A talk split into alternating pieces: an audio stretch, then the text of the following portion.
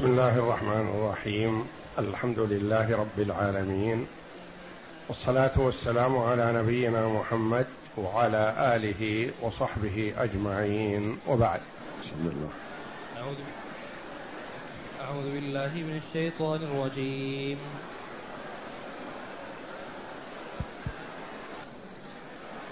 أعوذ بالله من الشيطان الرجيم. بسم الله الرحمن الرحيم. يا أيها الذين آمنوا لا تتخذوا الكافرين أولياء من دون المؤمنين. أتريدون أن تجعلوا لله عليكم سلطانا مبينا. إن المنافقين في الدرك الأسفل من النار ولن تجد لهم نصيرا. إلا الذين تابوا وأصلحوا واعتصموا بالله وأخلصوا دينهم لله وأخلصوا دينهم لله فأولئك مع المؤمنين. وسوف يؤتي الله المؤمنين أجرا عظيما. ما يفعل الله بعذابكم إن أشركتم وإن إن شك ما يفعل الله بعذابكم إن شكرتم وآمنتم وكان الله شاكرا عليما. يقول الله جل وعلا مخاطبا لعباده المؤمنين بصفة الإيمان يا أيها الذين آمنوا لا تتخذوا الكافرين أولياء من دون المؤمنين. ينهى عباده المؤمنين أن يتخذوا الكافرين أولياء. أصدقاء لهم وأولياء يسرون إليهم بأخبار المؤمنين ويوالونهم. فهم بهذا يجعلون لله جل وعلا عليهم سلطة وحجة في تعذيبهم. لأن الله جل وعلا عدل. لا يظلم الناس شيئا ولا يعذب سبحانه إلا من يستحق العذاب. وهذه اتخاذ الكافرين أولياء من دون المؤمنين. صفة من؟ صفة المنافقين كما وصفهم الله جل وعلا بقوله بشر المنافقين بأن لهم عذابا اليما. الذين يتخذون الكافرين أولياء من دون المؤمنين أيبتغون عندهم العزة؟ فإن العزة لله جميعا. وتوالت الآيات الكريمة في بيان صفة المنافقين. فحذر الله جل وعلا عباده المؤمنين من موالاة الكافرين. لا تتخذوا الكافرين أولياء من دون المؤمنين وإنما المؤمن يتخذ أولياءه من المؤمنين ولا يتخذهم من الكافرين لأنهم لا يألون المؤمنين خبالا فهم يحاولون بشتى الوسائل الإضرار بالمؤمنين. لا تتخذوا الكافرين أولياء من دون المؤمنين. أتريدون أن تجعلوا لله عليكم سلطانا مبينا؟ يقول ابن عباس كلما جاء السلطان في القرآن فالمراد به الحجة. أتريدون أن تجعلوا لله عليكم حجة في تعذيبكم؟ والله جل وعلا لا يحب ذلك. فهو لا يحب تعذيب عباده إلا من يستحق العذاب. أتريدون أن تجعلوا لله عليكم سلطانا مبينا. وفي هذا عدل الله جل وعلا. وبعده سبحانه وتعالى عن الظلم. إن الله لا يظلم الناس شيئا. إن الله لا يظلم مثقال ذرة. وإنما العبد هو الذي يظلم نفسه. إذا تعرض لسخط الله ومعصيته فقد ظلم نفسه. وجعل لله جل وعلا حجة في تعذيبه فهو لا يعذب سبحانه إلا من يستحق العذاب.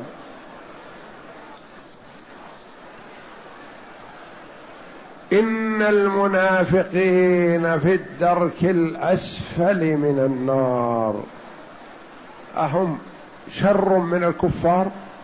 نعم مع أنهم مع المسلمين ظاهرا ويصلون معهم ويؤدون زكاة أموالهم معهم وربما خرجوا معهم للجهاد لكنهم أشد ضررا على المؤمنين من الكفار لأن المؤمنين يعرفون الكفار بكفرهم. فلا يستنصحون منهم ولا يقبلون لهم رأي لأنهم يدبرون الآراء للقضاء على المسلمين. يدبرون القضاء من أجل غلبة الأعداء للمسلمين.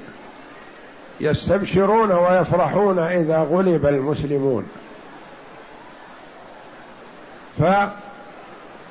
فالمسلمون يحذرون الكفار ما يأوون إليهم ولا يتخذونهم أولياء وإنما ربما اتخذوا المنافقين أولياء ما يعلمون عن نفاقهم ويطلعونهم على أسرارهم وهم لا يعلمون أنهم ينقلون أسرارهم إلى الكفار.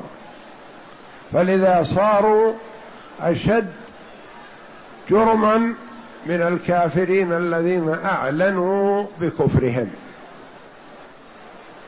إن المنافقين في الدرك الأسفل من النار والنار دركات يعني نزول والجنة درجات علو.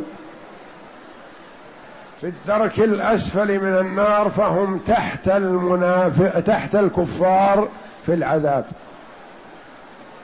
لأنهم بإعلانهم الإسلام غروا المسلمين وأخذوا ما لا يستحقونه المسلمون أعطوهم من الحقوق مثل ما لهم فأخذوا حقوقا لا تصح لهم وليست لهم فهم غروا المسلمين حقنوا دماءهم بهذا الإسلام الذي أعلنوه.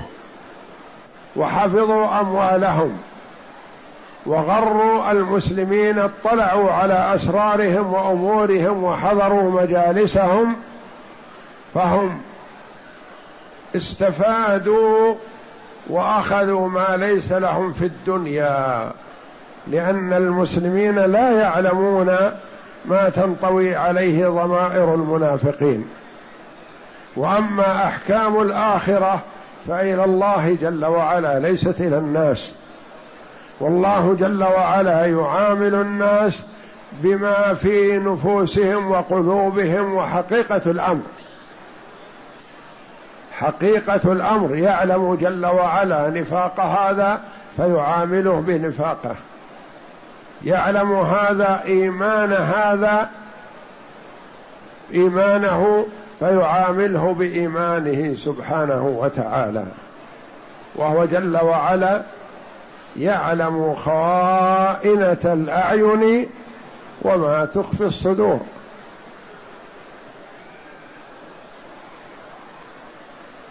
إن المنافقين في الدرك الأسفل من النار ولن تجد لهم نصيرا. ما تجد لهم من يناصرهم. ولا من يدافع عنهم. ولا من يحاجج الله عنهم. ما أحد لأنه ربما وجدوا من المؤمنين من يجادل عنهم أو يثني عليهم. كما قال أحد الصحابة للنبي صلى الله عليه وسلم ما لك عن فلان؟ والله إني لأراه مؤمنا. قال النبي صلى الله عليه وسلم أو مسلما. يعني ما هو على ظنك.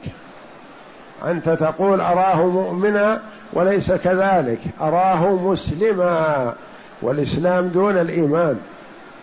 قالت الأعراب آمنا قل لم تؤمنوا ولكن قولوا أسلمنا.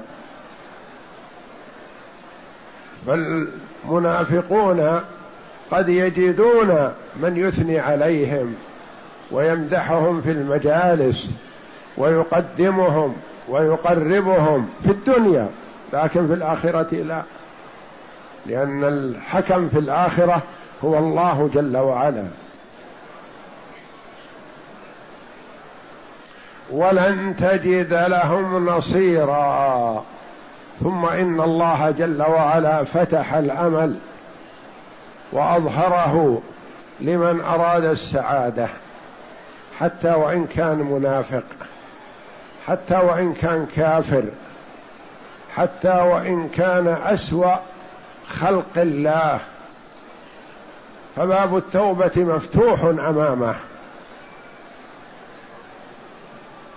فقال تعالى إلا الذين تابوا.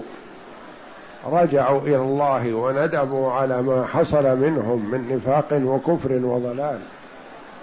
وأصلحوا ما بينهم وبين الله. ما يكفي أن يصلح المرء ما بينه وبين الناس بل لا بد أن يصلح ما بينه وبين الله.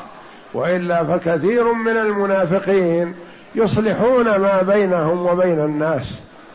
لكن ما بينهم وبين الله خراب. وأصلحوا إلا الذين تابوا وأصلحوا واعتصموا بالله. التجأوا وتوكلوا وفوضوا أمرهم إلى الله جل وعلا وحده لا شريك له. وأخلصوا دينهم. اخلص أخلصوا عبادتهم. والخالص هو السالم من الشوائب. يقال هذا علس عسل خالص يعني ما فيه خلط وهذا سمن خالص ما فيه خلط من شيء آخر. وهذا حرير خالص يعني ما فيه أشياء تدخل فيه. أخلصوا دينهم جعلوا دينهم لله وحده فقط. توجههم إلى الله واعتصامهم بالله وتوكلهم على الله وهكذا. وأخلصوا دينهم لله فأولئك مع المؤمنين.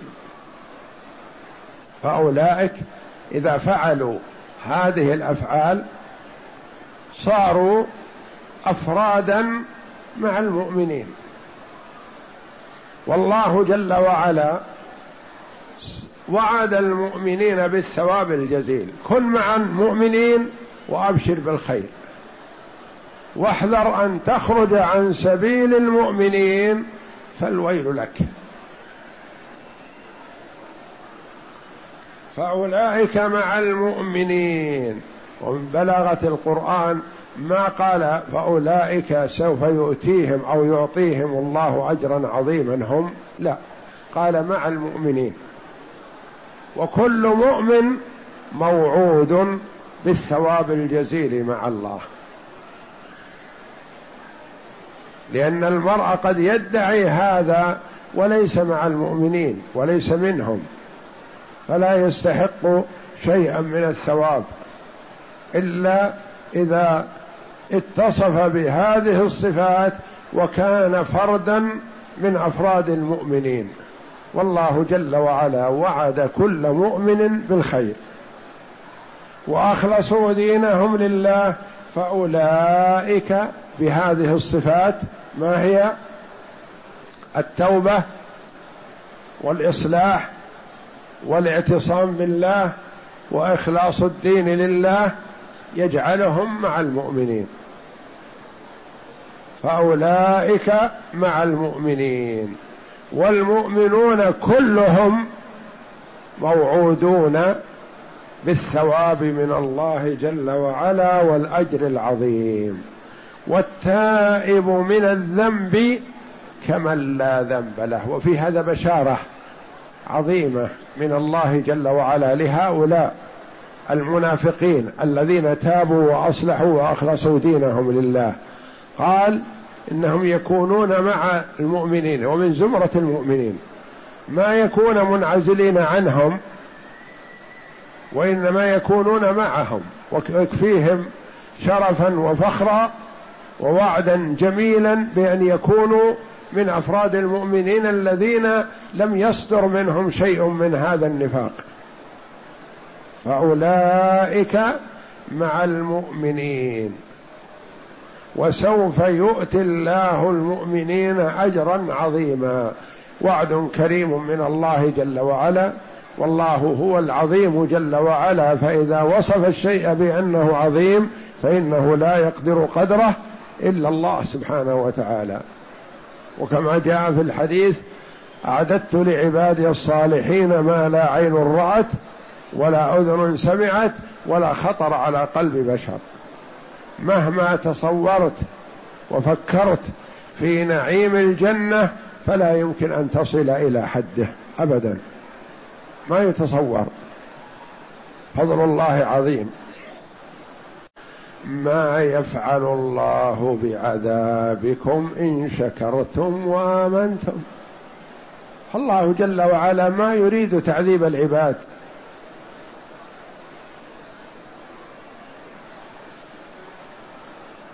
وتعذيب العباد غير محبوب لله لكن الله جل وعلا يعذب من يستحق العذاب من باب العدل فهو يعدل في خلقه. فما يستوي عند الله جل وعلا من يعمل الصالحات ومن يعمل السيئات ما يستوي عند الله الكافرون والمؤمنون ما يستوي المخلصون والذين شاب إيمانهم شيء من النفاق لا يستوون عند الله. ما يفعل الله بعذابكم. الله جل وعلا لا يحب تعذيبكم ولا يقصد تعذيبكم وإنما يعذب من يستحق التعذيب من باب العدل سبحانه وتعالى. ما يفعل الله بعذابكم إن شكرتم وآمنتم. ما يريد تعذيبكم إذا حصل منكم هذا. إن شكرتم الله جل وعلا وآمنتم به وبما أمركم أن تؤمنوا به فما كان فما الله يعذبكم.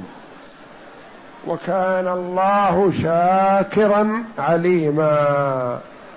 الشاكر هو من يثيب على العمل الصالح. الثواب الجزيل والعطاء الجزيل ولا يضيع عنده شيء. شاكر يعني ما تضيع عنده مثقال ذرة من الخير يثيب عليها جل وعلا. فمن يعمل مثقال ذرة خيرا يره يرى ثوابها. ومن يعمل مثقال ذرة شرا يره إن لم يعفو الله عنه. فالعقوبة قد تسقط بعفو الله تبارك وتعالى. وأما الثواب فلا يضيع عند الله وإن قل.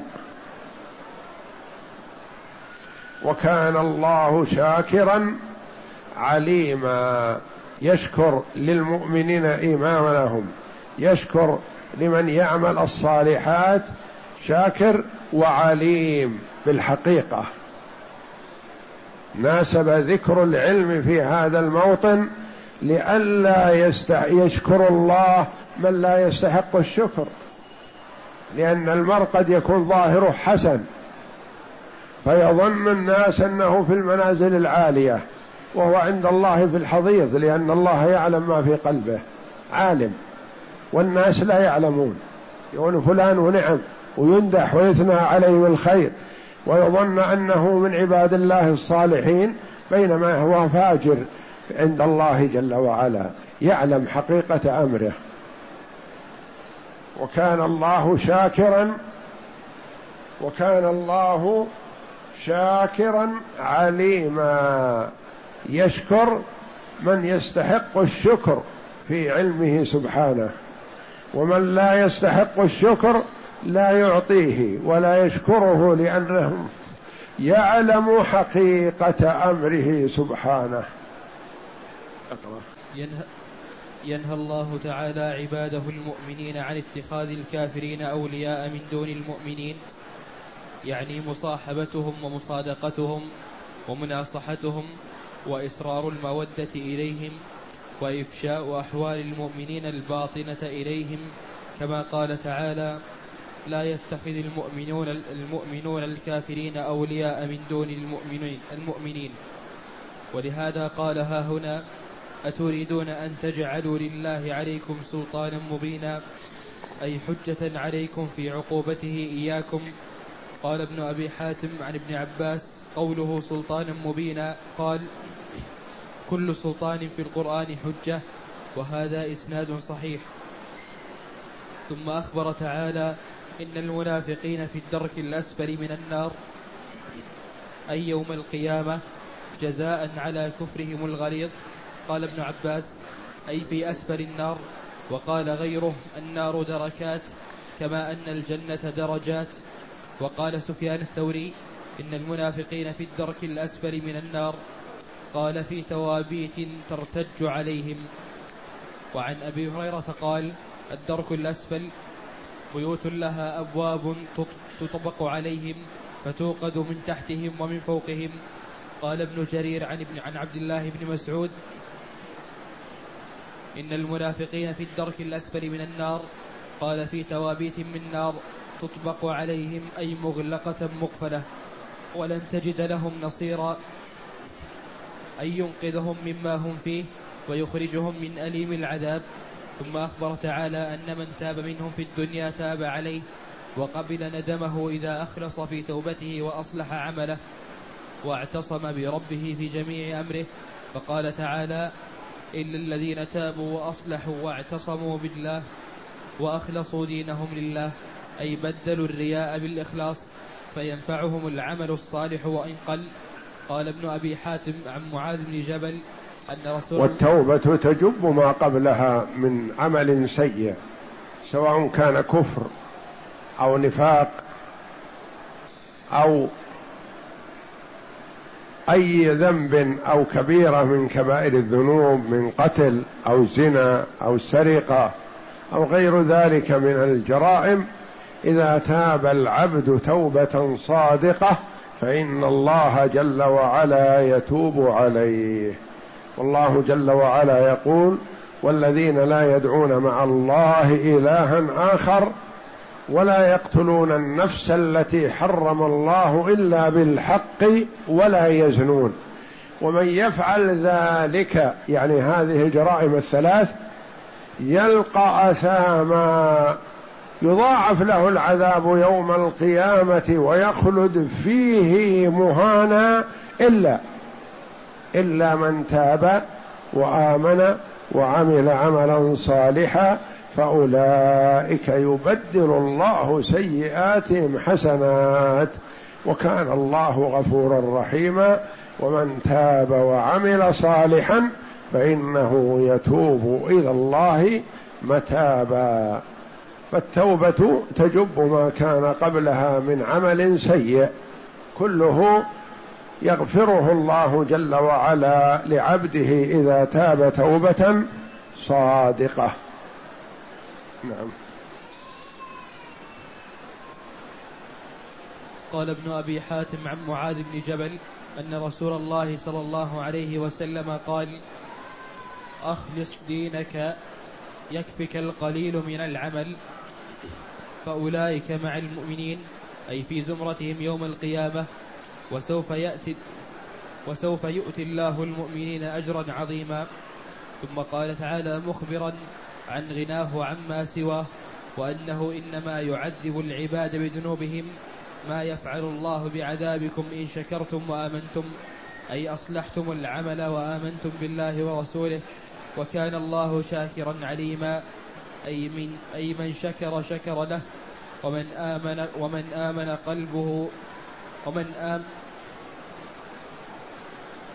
ومن آمن قلبه به علمه وجازاه على ذلك أوفر الجزاء. والله أعلم وصلى الله وسلم وبارك على عبده ورسول نبينا محمد وعلى آله وصحبه أجمعين.